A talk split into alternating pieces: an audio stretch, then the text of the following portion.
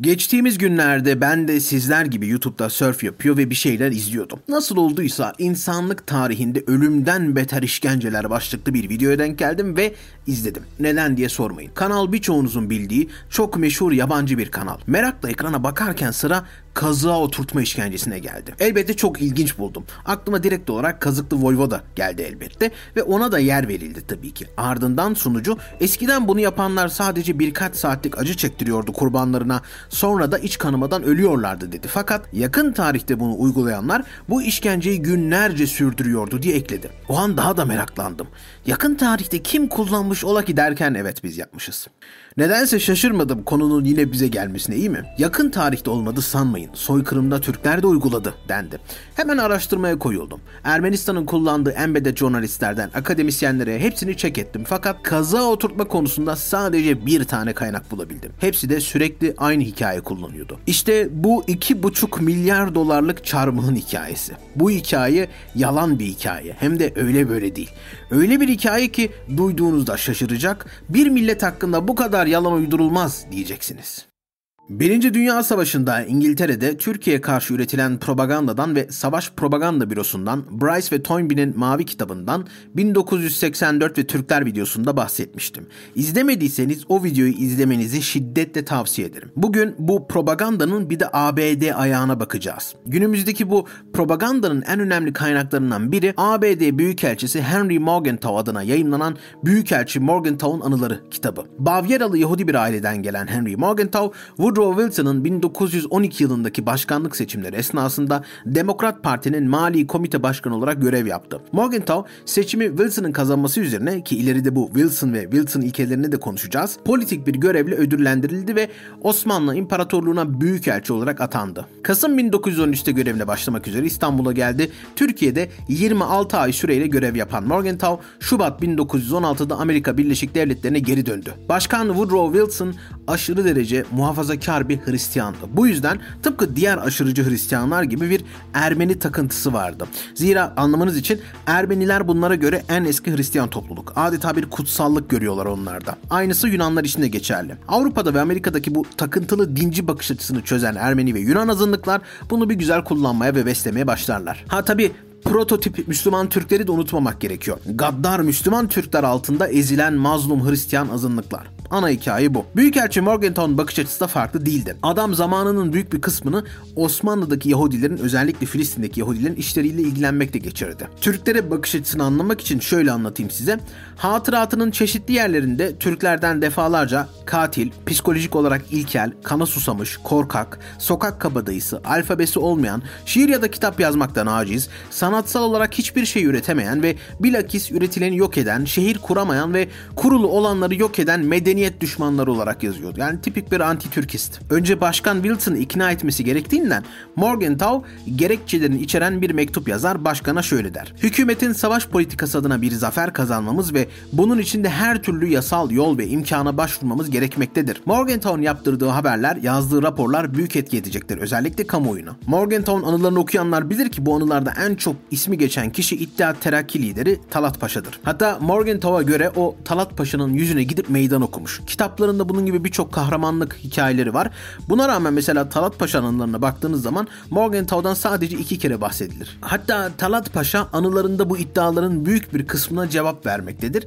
Kalanlara da cevap vermek niyetindedir. Ancak Sogomon Teylerian adlı bir terörist tarafından 1921 yılında Berlin'de şehit edilir. Çoğu kişinin yorumlamasının aksine bence bu bir intikam değil susturma girişimidir. Anılarında Talat Paşa hakkında uydurmalarına bir örnek vereyim anlayın diye. Bir gün Morgenthau Talat Paşa'nın ziyaretine gittiğinde Talat Paşa'yı birkaç Arap ileri geleniyle otururken bulmuş ve kendisinden talep ettiği her şeyi Talat Paşa konukların önünde reddetmiş. Morgenthau'nun iddiasına göre güya bu durum üzerine Talat Paşa'nın Arap ileri gelenlerine karşı bir büyükelçiyi bile reddedecek güçlü olduğunu göstermeye çalıştığını ve rol yaptığını fark ederek Paşa'nın kulağına eğilmiş. Araplara kendisinin güçlü olduğunu göstermeye çalıştığını anladığını, böyle bir niyeti varsa kapının önünde beklemekte olan Avusturya Büyükelçini kullanabileceğini söylemiş. Güya Paşa da gülerek kendisine bir saat sonra gel demiş. Morgenthau bir saat sonra geldiğinde Arap ileri gelenleri gitmiş, Talat Paşa'nın reddettiği tüm istekler bu sefer kabul edilmiş. Ya böyle böyle bir zırva olabilir mi? Böyle bir şey mümkün değil. Ne diplomatik olarak ne akış olarak bu hikaye mümkün değil. Büyükelçi gelecekti. Talat Paşa toplantıdayken içeri dalacak. Konukların önünde kendisinin yüzüne ya benden bunu bunu istemiştin ya falan diye söyleyecek. Talat Paşa da yok ya öyle bir şey falan diye. Ya bu Brezilya dizilerinde falan olur. Mesela kitabın bir diğer kısmında Talat Paşa'nın Türk değil Bulgar kökenli olduğunu ve Müslümanlıktan ve diğer dinlerden de nefret ettiğini kendisine söylediğini iddia eder Morgenthau. Bunun üzerine o dönemler bizzat Talat Paşa bunu yalanlar. Hatta daha da ileriye gider. Morgenthau der ki işte bu Talat Paşa gibileri bunlar eğitimsiz, cahil falan gibisinden ama Talat Paşa hakikaten iyi eğitimli birisidir yani sev ya da sevme. Morgenthau'un diğer bir iddiası Almanya'nın yanında savaşa girilmesi durumunda Cemal Paşa ile Enver Paşa arasında anlaşmazlık çıkmış ve ikilinin birbirine tabanca ile ateş ettiği bu kadar büyümüş yani bunu anlatır. Bu konuda Cemal Paşa bizzat Morgenthau'u mahalle dedikodularını yaymak suretiyle yalancılık yapmakla suçlar. Söz konusu hadiseyi kesinlikle reddeder. Ama başka bir örnek yine Abdülhamit'tir. Mesela Abdülhamit'ten kızıl bir canavar olarak bahseder. Türklerin Hristiyanlara yıllarca aşağılık kafir domuz muamelesi yaptığını, Hristiyanları ve Avrupalı komşularını köpekleriyle denk tuttuklarını, bu sözün cenaze belgelerini bile geçtiğini iddia eder. Oysa Abdülhamit döneminde ABD elçisi olarak görev yapmış Samuel Sullivan Cox'a baktığınızda anılarında Abdülhamit'ten ve Türklerden övgüyle bahseder. Cox 2. Abdülhamit'in dingin üstün zeka adamı olduğunu söyleyerek onu çalışkan ve adil bir sultan olarak yazmış. Morgenthau konusunu uzatmak istemiyorum. Zira videomuzun ana konusu o değil ama bütün bu anlatacağımız mevzular ona dayanıyor. Bir gün bu konuyu işlersek emin olun sadece bu adamdan bir saatlik malzeme çıkar. Önemli olan iki şey var bilmeniz gereken. Morgenthau ABD'ye dönünce Büyükelçi Morgenthau'un öyküsü kitabını çıkartır. Burada Türklerin vahşi kırımlarından bahseder. Kitap bizzat ABD başkanı için yazılmıştır. 8 ayda 20 bin adet satar. Amerika'da bir infial yaratır. O kadar başarılı olur ki Hollywood bunun filmini yapmak ister. Morgenthau gururla Başkan Wilson'a gider ve film teklifinden bahseder. Wilson da bunun üzerine kendisine cevap verir. Kitabınızın sinema filmine çevrilip çevrilmeyeceği konusunda bana danışmanızı takdirle karşılıyorum ve samimiyetle söylemeliyim ki buna rıza göstermeyeceğinizi umuyorum. Şahsen bu yönde yeterince ileri gittiğimize inanıyorum. Şimdilik pratik olarak yapabileceğimiz bir şey yok. Örneğin Ermeni katliamları konusunda ülkemizin Türkiye'ye karşı tavrı bellidir. Bunu geliştirmeye gerek yok. Bu mektuptan bile aslında yürütülen kampanyanın arkasındaki motivasyon belli oluyor. Yani kitabı zaten bu amaçla yazdık biz. Elimizden geleni yaptık artık. Filme gerek yok abartmayalım. Peki bu kitap Amerika'da neden başarılı oldu? Birincisi Morgenthau'un yıllardır gazetelere yaptırdığı haberlerden haber yaptırabildiğini nereden biliyoruz? Bedri Bey olayından mesela. Morgenthau'un en çok aşağıladığı, dalga geçtiği ve hakaret ettiği kişi şüphesiz dönemin İstanbul Polis Müdürü Bedri Bey. Morgenthau'un iddiasına göre daha sonra Morgenthau tarafından yazılacak kitapta kötü adam olarak tanıtılmaktan çekinen Bedri Bey iyi bir polis müdürü olarak yazılabilmek için Morgenthau'a elinden gelen kolaylıkları sağlamış. Morgenthau Bedri Bey'i amaçlarına uygun bir şekilde kullanabilmek için kurnazca bir yöntem takip etmiş. Morgenthau'un iddiasına göre Bedri Bey'in fotoğrafının ve övücü haberini New York Times'ta yayınlamasını sağlamış. Morgenthau ilgili haberin ve fotoğrafın yer aldığı gazete küpüründe Bedri Bey'e gidip vermiş. Aha işte haberini yaptırdım gibi. Aşırı derecede saf olan Bedri Bey de yine Morgenthau'un iddiasına göre aylarca bu haber küpürünü cebinde saklayarak gururla çevresine göstermiş arkadaşlar. İşte bakın Amerika'da ben kahraman olarak biliniyorum, haberim yapılıyor gibisinden. İkinci önemli olay da Morgenthau'un Amerikan Hristiyan misyonerlerle birlikte İstanbul'da kurduğu American Committee for Armenian and Syrian Relief oluşumu. Daha sonra Near East Foundation yani Yakın Doğu Amerikan Yardım Heyeti ismini alacaktı. Bu oluşum o dönem 60 bin dolar gibi devasa bir parayı toplayıp Morgenthau'nun eline verdi. Yardım posterlerine baktığınız zaman da bu dini vurguları daha net görebilirsiniz. Örneğin şu meşhur 400 bin çocuk kutsal topraklarda ölüyor posterindeki gibi. Hatta bu örgütle alakalı bizzat ABD Dışişleri Bakanı Robert Lansing Morgenthau'a şu telgrafı çeker. Ermeni zulmüne ilişkin özel kaynaklardan Amerika Birleşik Devletleri'ne ulaşan ve gazetelerde yayınlanan mektuplar Amerikan halkı arasında genel ve yoğun bir öfke duygusu uyandırdı. Size verdiğimiz görev elinizdeki tüm imkanlarla Ermenilerin durumunu iyileştirmek ve Ermenilere yönelik zulmün devam etmesini önlemek. Bunun için Türk hükümetine bu zulmün ABD halkının Türkiye'ye karşı beslediği iyi niyet duygusunu yok ettiğini bildirin. Fakat kitabıyla alakalı daha da büyük bir sorun şuydu. Morgenthau İstanbul'u asla terk etmemişti. Anadolu'da gerçekleştiğini iddia ettiği hiçbir olaya birebir tanıklık etmemişti. Tıpkı Bryce gibi sadece ara sıra Belgrad ormanlarında at biniciliği yapıyormuş. O kadar. Peki nasıl yazdı bu kitabı o zaman? İşte mevzu tam orada. O yazmadı. Kitabı hazırlayanlar dönemin elçilik katibi Hagop Andonyan ve Amerikan Büyükelçiliğinin hukuk danışmanı Arshak Shmavonyan. Kitabın gerçek yazarı da sonradan Pulitzer ödülünü de kazanacak olan gazeteci Burton Hendrick. Ermeni yardımcıların anlattıklarını birlikte daha akıcı bir drama haline dönüştürmek için Hendrick hayalet yazar olarak tutuluyor. Sonra kitap Amerikan Dışişleri Bakanı Robert Danzig'e gidiyor ve o da böyle eklemeler yapıyor kenarına. İşte şurayı düzeltin, şurayı çıkarın diye geri gönderiyor. Morgenthau da önce Başkan Wilson'ın yazılı iznini alıyor. Sonra kitap yayınlanıyor kullanıyor. Yani aslında baktığınız zaman Amerika'da kamuoyu desteği oluşturmak için bir propaganda çalışması yapılmış. Peki biz bunu kimin sayesinde biliyoruz? Princeton Üniversitesi'nden Profesör Heath Watt Lowry sayesinde biliyoruz. 1990 yılında Büyükelçi Morgantown öyküsünün perde arkası kitabını yayınladı ve bilimsel metodolojiyle Morgantown öyküsünü ele aldı. Bu kitap buna rağmen bugünkü iddiaların temeli. Morgantown yalanlarına rağmen bir kahraman. Peki Mark Lambert Bristol'u tanır mısınız? Cumhuriyet dönemi ABD elçisi. 1919 ve 1927 arasında görev yaptı. Önyargısız şekilde raporlar hazırladı. Olduğu gibi söyledi. Türkler ne deniyorsa o. Ama madalyonun diğer tarafına Türkleri olabildiğince insanlık dışı ve onursuz gösteren, Türklerin aleyhinde her şeyi göğe çıkartıp lehine olanı baskılayan Yunan ve Ermeni propagandasıyla yıkanmış bir taraf var. Bu adama o dönemlerde o kadar baskı yapıldı ki defalarca mektuplarına falan başlarken raporlarına ben Türk dostu değilim ama diye başlıyor. Bugün bile hala olabildiğince kötüleniyor. Adı silinmeye çalışılıyor. Sırf Türkler hakkında objektif kaldığı için. Fakat bugün işlediğimiz konunun başrolü bir kadın. Aurora Mardiganyan. Hani size Morgantown kurmuş olduğu organizasyondan bahsetmiştim ya. İşte Harputlu olduğunu söyleyen Mardiganyan bu kuruluş sayesinde tıpkı birçok başka Ermeni gibi Amerika'ya göçer. Kendisinden önce göçenlerden biri de kendi iddiasına göre yine kardeşidir. Ancak bundan çok bahsedilmez çünkü propagandaya pek uymaz. Aurora gazetelere röportajlar vermeye başlar. İşte bu röportajları okuyanlardan biri de Harvey Layford Gates adlı bir yazardır. Harvey ara sıra New York Times gazetesine de yazar. Romanları da genelde kadın karakterlerin çektiği dramalardan oluşur. Bu oryantalizmle harmanlanmış romantizmi The Mystery of Hope Diamond ve illüstrasyonlarında görebilirsiniz. Bu genç adam Harvey Gates ve eşi gidip Aurora'yı bulurlar. Harvey hemen paranın kokusunu alır. Bu kızdan öyle bir dram çıkarabilirdi ki tüm Amerika oturup ağlardı. 16 yaşındaki Aurora'nın sorumluluğu o dönemlerde Eleanor Wald'adır.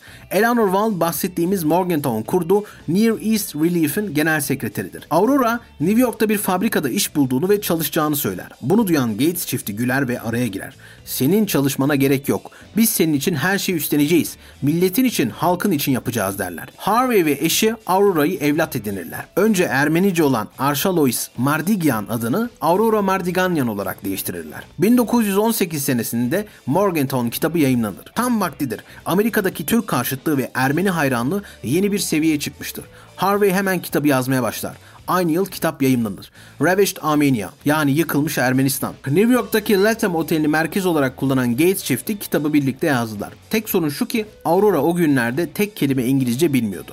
İddiaya göre İngilizce bilmeyen 16 yaşındaki Mardiganyan'a hikayesini anlattırdılar. Genç kızın yanlarına yerleştiği ailede tercümanlık görevini üstlendi. Ravished Armenia tamamlanınca Harvey Gates ve Yakın Doğu yardımı Aurora Mardiganyan'ı başlangıç düzeyinde İngilizce öğrenmesi için 3 haftalığına Connecticut'teki bir manastıra gönderdi. Şimdi kitaba bir göz attığımız zaman dinci ve din bazlı propaganda hemen belli oluyor. Kitabın başlığı bile Aurora Mardiganyan, büyük katliamları yaşayan Hristiyan kızın hikayesi. Yazar olarak da Harvey Gates ve tabii ki Morgantown kurduğu ASR'nin sekreteri Nora Wall'ın ön sözüyle görüyorsunuz.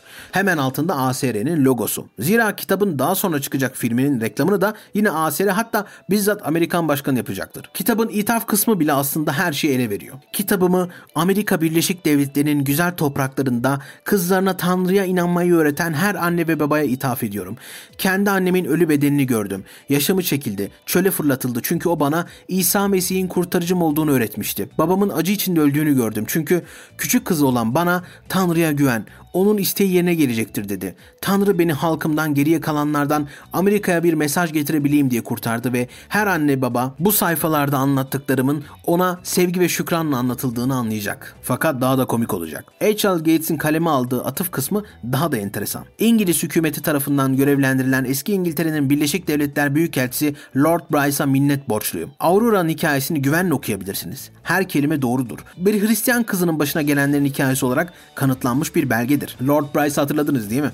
Hani Mavi kitabı İngiltere'deki Savaş Propaganda Bürosu emriyle kaleme alan Bryce. Eğitim hakkında konuştuk. Okula gitmek isterdi. Tıpkı babasının planladığı gibi müzik eğitimi almak istiyordu ama artık iletmesi gereken bir mesajı vardı. Acı çeken ulusundan Amerika Birleşik Devletleri'nin anne ve babalarına bir mesaj. Çocuğun gözlerindeki kararlılık bana yaşını sordurdu ve 17 diye cevap verdi. Bu hikayenin de komple zırva olduğunu biliyoruz çünkü Mardiganyan aklına bu kitap ve mesaj işini sokan taraf Gates çiftiydi elbette. Bu kitapta duyduklarınıza inanamayacaksınız. Kiliseleri doldurup yakılan Ermeniler, haremlere cari olarak satılan Ermeni kızları. Bu girişte Lord Bryson raporuna Büyükelçi Morgantown hikayesine değinmek istiyorum. Lord Cecil'ın İngiliz parlamentosu önünde yaptığı son konuşmaları ve kendi Dışişleri Bakanlığımızın dosyalarına atıfta bulunmak istiyorum ve buna benzer hikayelerin 3 milyon 950 bin mülteciden herhangi bir tarafından anlatılabileceğini öğreneceksiniz. Bryce raporu olmadan olmazdı değil mi? Direkt iki kere selam çakıldı kendisine ve daha 4 sayfa olmadı. Bryce raporu konusuna bak tekrardan söylüyorum şiddetle. 1984 ve Türkler videosunu öneriyorum size. Morgantown hikayesinden de bahsetmiştik. Yani belli bir propaganda zincirinin bir eseri bu. Ayrıca 4 milyon mülteci sayısı ilginç değil mi? Demek o dönemlerde henüz ölmemişler. Şimdi gelen kısmı ise bir özür gibi. Bayan Mardiganya'nın verdiği isimler, tarihler ve yerler Büyükelçi Morgenthau, Lord Bryce ve diğerleri tarafından bu yerlere yapılan benzer göndermelerle tam olarak uyuşmuyor. Ancak onun yalnızca 17 yaşında bir kız olduğunu ve en trajik olaylardan birini yaşadığını dikkate almalıyız. Dünyanın savaştan en çok zarar görmüş olan bölümünde bir tarihçi olmadığını, tercümanının bu hikayeyi Amerikan halkına verirken bir tarih yazmaya teşebbüs etmediğini unutmamak gerekiyor. O sadece Amerikan halkına yakın doğudaki son yıllardaki duruma dair bir şeyler anlayabilecekleri ve gelecekte orada aklı başında ve istikrarlı bir hükümet kurulmasına yardımcı olabilecekleri mesajını vermeye amaçladı. İşte bu son cümledeki istikrarlı bir hükümet kurma vurgusu her şeyi açıklıyor. Çünkü bu bir tesadüf değil. 1919 yılında Başkan Woodrow Wilson önderliğinde ve ilkelerince American Commission to Negotiate Peace komisyonu kuruldu. Özellikle Osmanlı topraklarında Kürdistan, Ermenistan gibi ülkelerin kurulması için çalışıyorlardı. Örneğin arşivden bu komisyonun birkaç haritasına bakarsanız Türkiye'yi Anadolu ve Ermenistan olarak tanımladıklarını görürsünüz. Çizilen sınırlarda cabası. Kitabın devamında Büyükelçi Morgenthau bir röportajı verilir. Burada Morgenthau'un Ermeniler konusunda ne kadar uçuk ve gerçekten uzak dinci bir bakış açısına sahip olduğunu görebilirsiniz. Kimi araştırmacılara göre Ermeni milleti İncil'de geçen Hitit halkıdır. Her yerde endüstrileri, zekaları, nezih ve düzenli yaşamlarıyla tanınırlar. Entelektüel ve manevi olarak Türklerden o kadar üstünler ki sanat ve sanayinin çoğu onların elinde. Rumlarla birlikte Ermeniler de imparatorluğun gücünü oluşturuyorlardı. Morgenthau objektifli değil mi? Wall devam ediyor. Aurora Mardiganyan, acı çeken halkının hikayesini anlatmak ve ülkesinin yeniden inşa edilmesini mümkün kılmada üzerine düşeni yapmak için Amerika'ya geldi. O daha küçücük bir kız ama Amerikan halkına gazeteler, bu kitap ve ARS'nin yönetiminde çekilen filmiyle anlatacaklarıyla kutsal topraklara ve halkına yeniden barışı getirmek üzere büyük bir rol oynuyor. Kitabın yapılış amacını sanırım artık hepiniz anlamışsınızdır. ABD hükümetinin bizzat içerisinde bulunduğu ve organize ettiği bu saçmalık nasıl tarihi kaynak olarak geçmeye başladı? Bence buna odaklanmak gerekiyor. Mesela kitabın başında Hüseyin Paşa dedikleri biri bunların evlerini basıyor. Mardiganyan'ın anlattığına göre de babası çok varlıklı bir bankacıymış. Normalde de bu Hüseyin Paşa sürekli baskı yapıp kızını bana vereceksin onu haremime katacağım dermiş. Zaten villasındaki hareminde çevredeki bütün güzel Hristiyan kızları da toplarmış. Ha kitaba göre böyle yani. Paşalar böyle Hristiyan bir kız gördükleri zaman hop bunu hemen haremimize katmalıyız falan derlermiş. Zorla da din değiştirtirlermiş. Üç kere bizim kızı istemişler ama babası vermemiş. Fakat bu sefer işler değişmiş. Direkt olarak emir ediyormuş. Kitaptan alıntılıyorum şimdi. Onun şöyle dediğini duydum. Yakında Konstantinopolis'ten emir gelecek. Siz Hristiyan köpekler gönderileceksiniz. Muhammed'i inkar eden hiçbir erkek, kadın veya çocuğun kalmasına izin verilmeyecek. O zaman geldiğinde sizi benden başka kurtaracak kimse yok. Kızın Aurora'yı bana ver. Kriz geçene kadar tüm aileni korumam altına alayım. Beni reddet ve ne bekleyebileceğini biliyorsun. Fakat Ermeni baba Tanrı'nın dediği olur. Kızımı sana vermem demiş. Ardından atlı bir haberci gelmiş ve Van'da katliam yapıyorlar. Erkekler, kadınlar, çocuklar parçalanıyor. Kürtler kızları kaçırıyor. Düşünsene katliam falan yapıyorlar böyle çok ciddi bir konu. Orada Kürtler kızları kaçırıyor böyle atta koyup. İşin absürt yanı hani böyle vahşet falan anlatılıyor ya aniden bakın aniden hemen diğer cümlesinde Van Ermenistan'ın en büyük şehridir. Eski kral Semiramis'in başkentidir. Hazreti Nuh'un gemisinin bulunduğu yerdir diye böyle bilgi veriyor sanki tur rehberi gibi. Bunu bunu okuyan Amerikalılar şey demiş midir? Oh my gosh diye. Mesela köyün pederini öldürdükleri bir kısım var o da çok enteresan. Osmanlı zabıtaları pederi alıp hapishanede dövmeye başlıyorlar. Devamı yine kitaptan alıntı. Peder Rupen'i döverlerken bir polis gelip müdahale etti. Zaten tüm rahiplerin öldürülmesi gerektiğinden rahibi dövmenin zaman kaybı olduğunu söyledi. Daha sonra Peder Rupen'e döndü ve ona ancak İsa'ya sırt çevirip Müslüman olursa yaşayabileceğini söyledi. Memur reddederse ölene kadar dövüleceğini de ekledi. Zavallı Peder Rupen cevap veremeyecek kadar güçsüzdü. Askerler onu bıraktığında yere yığıldı. Konuşmaya çalıştığında başını salladı ve Türk Muhammed'i kabul edeceğini ima ettiği düşündü. Memur onu ayakta tutun diye emretti. İki asker onu kaldırdı. Subay ona İslam akidesini tekrarlamasını emretti. Tek bir tanrı vardır ve Muhammed onun peygamberidir. Yalnızca bir tanrı vardır diye söze başladı Peder Rupen. Elinden geldiğince net bir şekilde ve gözleri zalim subaya çevrilmiş halde. Derin bir nefes almak için durdu ve sonra devam etti. Ve onun oğlu İsa Mesih benim kurtarıcımdır. Subay kılıcını çekti ve Peder Rupen'in kafasını kesti. ben ben abartmıyorum arkadaşlar. Kitapta aynı bu şekilde böyle anlatılıyor. Kendi anlatımına göre kilometrelerce ötede olan Aurora nasıl bunlara şahit oluyor derseniz onun cevabı yok. Böyle birçok şeye şahit oluyor. Yine bu ilk bölümün sonunda ABD'den gelen ileri gelen bir Ermeni genç Alman generallerden yardım istiyor. Sonra da dönüp şu haberi veriyor. Von Wolfsky ile bizi kurtarması için yalvardım. Sultanın Türkiye'de hiçbir Hristiyan tebaanın hayatta kalmamasını emrettiğini ve sultanın doğru yaptığını düşündüğünü söyledi. Burada da yine ABD diplomasisinin el yazısını görüyorsunuz. Almanları da dahil ediyorlar. Wolfsky'li hedef almasının sebebi Urfa'da Ermeni ayaklanmasını bastırmıştı zamanında kendisi. Bizzat yani Osmanlı ordusuyla değil bizzat kendi. Hatta Almanca kaynaklardan birebir hatıratlarını ve mektuplarını okuyabilirsiniz. Bir de absürt değil mi yani Hristiyan bir Alman'a gidip şikayet ediyor. O adam diyor ki bütün Hristiyanlar öldürülecek bence çok doğru falan. Kitabın ne olduğunu sanırsam az çok anlamışsınızdır. Daha da ilginci ve bugün bizim konumuz olan bu kitabın filmi. Hani Mardiganyan'ı manastıra göndermişti ya gazeteci Gates abimiz. Dönüşünde Mardiganyan'dan bazı kağıtları imzalamasını istedi. Mrs. Gates ona bu kağıtların filminin çekileceği Los Angeles'a girmesini sağlayacağını söyledi. Aurora da imzasını attı. Anlaşma yapılmıştı. Ravishit Armenia'nın sinema versiyonunda oynamak için haftada 15 dolar alacaktı. O kağıtta ne olduğunu bilmediğimi söyledim. Dilini fazla anlamadığımı söyledim. Sizin İngilizcenizi anlamıyorum. 15 doların çok para olduğunu söylediler. Naiftim. Hiçbir şey bilmiyordum diyecekti daha sonra. Ardından film çekilmeye başlandı. Adeta bir kutsaliyet yüklerler. Hatta Aurora'yı Fransız Katolik azizesi John d'Arc'a benzetirler. Hatta film çekilirken şöyle bir olay yaşanır anlattıklarına göre. İlk makyajdan çıktığımda etrafta dolaşan kırmızı fesli adamları gördüm. Şok oldum. Beni kandırdıklarını düşündüm. Beni öldürmeleri için tekrardan Türklere teslim ettiklerini düşündüm. Ağlamaya ve bağırmaya başladım. Mrs. Gates de dedi ki, balım onlar Türk değil. Onlar o barbarları sadece oynuyorlar. Onlar Amerikalı.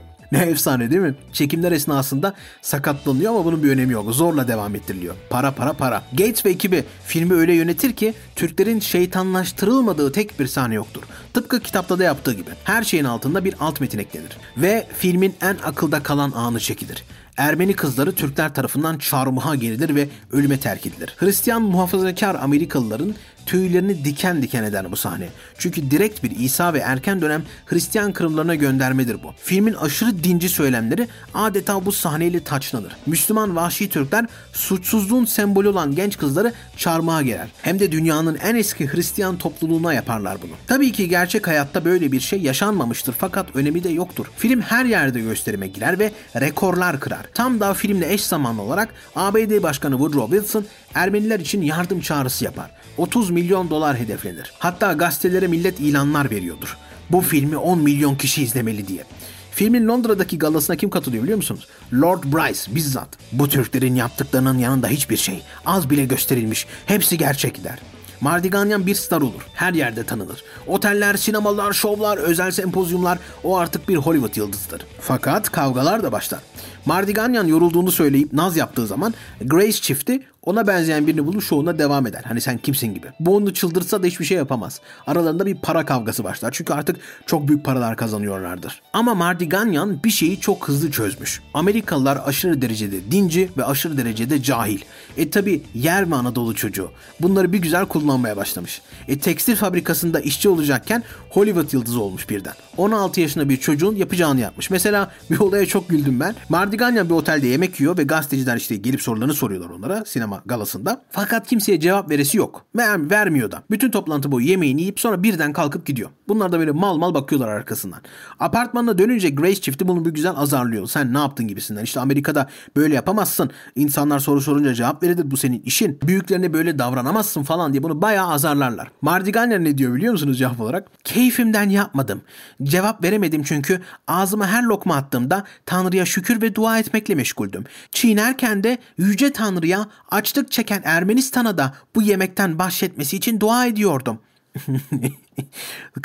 Kız kabul etmek gerekiyor sağlam kek demiş Amerikalıları. Fakat filmin etkilerine bakalım isterseniz. Bu insanlara çektirilen korkunç işkenceleri seyircinin zihninde bu kadar net canlandıran başka bir yapım daha olmamıştır yazacaktı Morning Telegraph 16 Şubat 1919'da. Hanford Judson Morning Picture World'da şöyle yazacaktı Mayıs ayında. Can Pazarı filmini izleyen bu sahnelerin gerçekten Ermenistan'da izlenen Hristiyanlar döneminde çekildiğine inanabilir. Muhammed'e yönelebilirlerdi ama İsa'ya bağlı kaldılar. İşte şehitlikleri, fedakarlıkları buradan geliyor. Akıl almaz işkenceler altında hala Tanrı'ya ve İsa'ya bağlı kalıyorlar. Bu film büyüleyici Hristiyan kahramanlıklarını ve akıl almaz Türk vahşetlerini anlatıyor dedi. Rahatsız mı oldunuz? Bu da hiçbir şey. Şimdi okuyacağımız yazı bu hikayenin önemini anlamanızı sağlayacak. Variety'nin sahibi Simon Silverman 28 Şubat 1919'daki köşesinde şöyle bir yazı kalemi alır. Yalnızca bir film olarak değerlendirildiğinde karakterlerin kurgusu ve oynanış açısından mükemmel bir şekilde üretilmiş ancak Türklerin Ermeni ırkına karşı zulmünün, Türklerin bir halka karşı şeytani ve korkunç işkencelerinin ve bir milletin fiilen katledilmesini anlatımı olarak Revished Armenia daha tüm gerçekleri ortaya koymuyor bile. Bununla birlikte ama yaptığı örneklerde Türklerin dinleriyle doğrudan bağlantılı barbarlığı konusunda bilgisiz olanlar veya Viscount Price veya Büyükelçi Morgantown tarafından ortaya konan Türk barbarlarına yönelik iddianameleri okumamış olanlar için hala bir şüphe olacaktır. Bu filmde gösterilen erkeklere, kadınlara ve çocuklara yönelik iğrenç zulmün gerçek olamayacağını düşünenler olacaktır. İnananlar için filmde gösterilen sahneler Türklere karşı müthiş bir öfkeye sebep olacaktır. Şimdiye kadar bu kafirlere karşı duyulan bütün öfkelerden büyük bir öfke. İnanmayanlar da inandırılmalıdırlar. Anladınız mı? Adam filmin film olmasına şikayetçi. Yani insanlar ya bu film ne kadar gerçek olabilir der diye korkuyor. Ama bak şimdi önerisine bakın. Onların şüpheleri Bayan Mardiganya'nın hayat hikayesi olarak ilan edilen, film boyunca devam eden bir hikaye aracılığıyla bir miktar kanıt bulacaktır. Orada bulunan ve filmden sorumlu olduğu anlaşılan bir subay, uzak doğuda görevli olduğunu, filmin gerçeğin onda biri bile olmadığını söyledi. Katliamlar, cinayetler, tecavüzler. Bütün bunlar bazıları tamamen, bazıları biraz, bazıları hayal gücünün vahşetin olasılıklarını tahmin etmesine izin verecek kadar gösteriliyor ve tüm bunlar Türklerin Ermenilere karşı şeytanlıklarının birçoğunu seyircinin önünde gösterilemeyeceğini anlatıyor. Yine de Bay Bryce ve Morgenthau bu filmin anlatabileceğinden daha fazla yazılar yazmış olsalar ve yazılarına genellikle alt metinde atıfta bulunulsa da Revished Armenia'yı izlerken bunun sadece bir film olduğu gerçeğinden kurtulmak mümkün değil. Bu, bu türden bir konu için ölümcül bir hata gibi görünüyor. Yani adam filmin film olarak görülmesinden şikayetçi. Ama yaptığı öneri sizi deli edecek. Eser sadece bir film olarak adlandırılıyor. Oysa bir canlandırma olarak adlandırılması gerekiyordu. Film oyuncuları rol yaparlar. Kişileri taklit ederler. Oyuncuların isimlerinden jenerikte, ekranda veya programda hiç bahsedilmemelidir. Karakterlere atıfta bulunan yazılarda filmde görünen Bardiganyan dışında karakterlerin isimleri yazılmalı. Onları canlandıran oyuncuların isimleri yazılmamalı. Film ibaresi olmayan bir canlandırma olarak film daha fazla ağırlık ve çok daha fazla inandırıcılık taşırdı. Gerçeğine uygun bir reprodüksiyon olduğu için izleyicinin bu Türk işkenceleri sahnelerinin ABD'de çekildiğini veya oynanan bir senaryo olduğunu kabul etmek zorunda kalması gerekmez. Bu illüzyon da Ermeni fonunun yararına olur. Adam diyor ki resmen film olarak değil belgesel olarak sunun bunu. Oyuncuların adım adı verilmesin. Nasıl bir hastalıklı düşünce aklınız alıyor mu? Yazı şöyle bitiyor. Bununla birlikte her halükarda bir film olarak mükemmel bir yapım. İlgili ve meraklılardan yakın doğu fonlarına büyük meblağlar akacaktır. Ve eğer Revished Armenia zamanla Türkiye'nin dünya haritasından silinmesine katkıda bulunabilirse kısmen Ermenistan'ın intikamını almaya yardımcı olmuş ve medeniyetimize ölçülemez bir fayda sağlamış olacaktır. Ve size bir şey söyleyeyim mi? Dediği gibi de yaptılar. Film uzun yıllar gerçekmiş sanıldı. Mesela Symes yazısında açıkça diyor ki yapımcılara bazı sahneleri kesip atıp filmi kısaltmalarını öneriyorum. Özellikle Ardanyan adlı erkek karakterin maceraları çok filmimsi, çok senaryo. Ve dediği gibi de yaptılar. Filmin kendisi günümüzde kayıp. Böyle şey gibi anlatıyorlar bunu. Ya film kaybedilmiş falan. Tabii ki de zırva. Kaybedilmesi elbette bilerek yapılmış. Bu yüzden günümüzde hala gerçek sanılıyor ve özellikle çarmıha girilen kızların fotoğrafı sürekli paylaşılıyor. Filmin işi bittikten sonra Aurora'da unutulur. O kadar ki yaşlılığında kimsesizler mezarlığına gömülecek ve mezarının yeri dahi yıllarca bilinmeyecekti. Diyeceksiniz ki bu rezilliğin üstünü örterler. Ne de olsa yalan olduğu ispatlı. Hayır. 1988 yılında Anthony Slide adlı araştırmacı tekrardan Aurora'yı bulur. Çarmıha gerilen kadınlar palavrası artık kaldırılamaz bir komedidir. Aurora güya bir düzeltme yapar. Türkler haçlarını böyle yapmadılar. Türkler Küçük sivri haçlar yaptılar. Kızların kıyafetlerini çıkardılar. Eğilmelerini söylediler. Ve tecavüz ettikten sonra vajinalarından sivri tahtaya oturttular. Türkler böyle öldürdüler. Amerikalılar bunu daha medeni bir yol haline getirdiler. Böyle korkunç şeyleri gösteremezlerdi. Yani diyor ki yalan konuştuk ama aslında iyiliğiniz için yaptık bunu. Milyarlarca doların da bir önemi yoktu elbette. Yetmediği gibi 2016 yılında Aurora Vakfı'nı kurup her yıl Aurora ödülleri dağıtıyorlar. Yavuz hırsız ev sahibini bastırmış derler ya bunlar Yavuz yalancı. Anthony'nin anlattığına göre Aurora'na demiş ki Hala her saniyemi acaba Türkler kapıma gelip beni öldürür mü diye geçiriyorum. Burada Aurora'nın yine böyle karakteristik bir özelliği belli oluyor. Amerikalıları o kadar cahil görüyor ki her imkanda bu kartın oynuyor. Kendisi inanmasa bile. Kendisi inanmasa da dünyayı inandırmayı başardı. Film Ermeni fonlarına bugünün parasıyla 2,5 milyar dolar para sağladı. İşte bu milyar dolarlık çarmıhın hikayesiydi.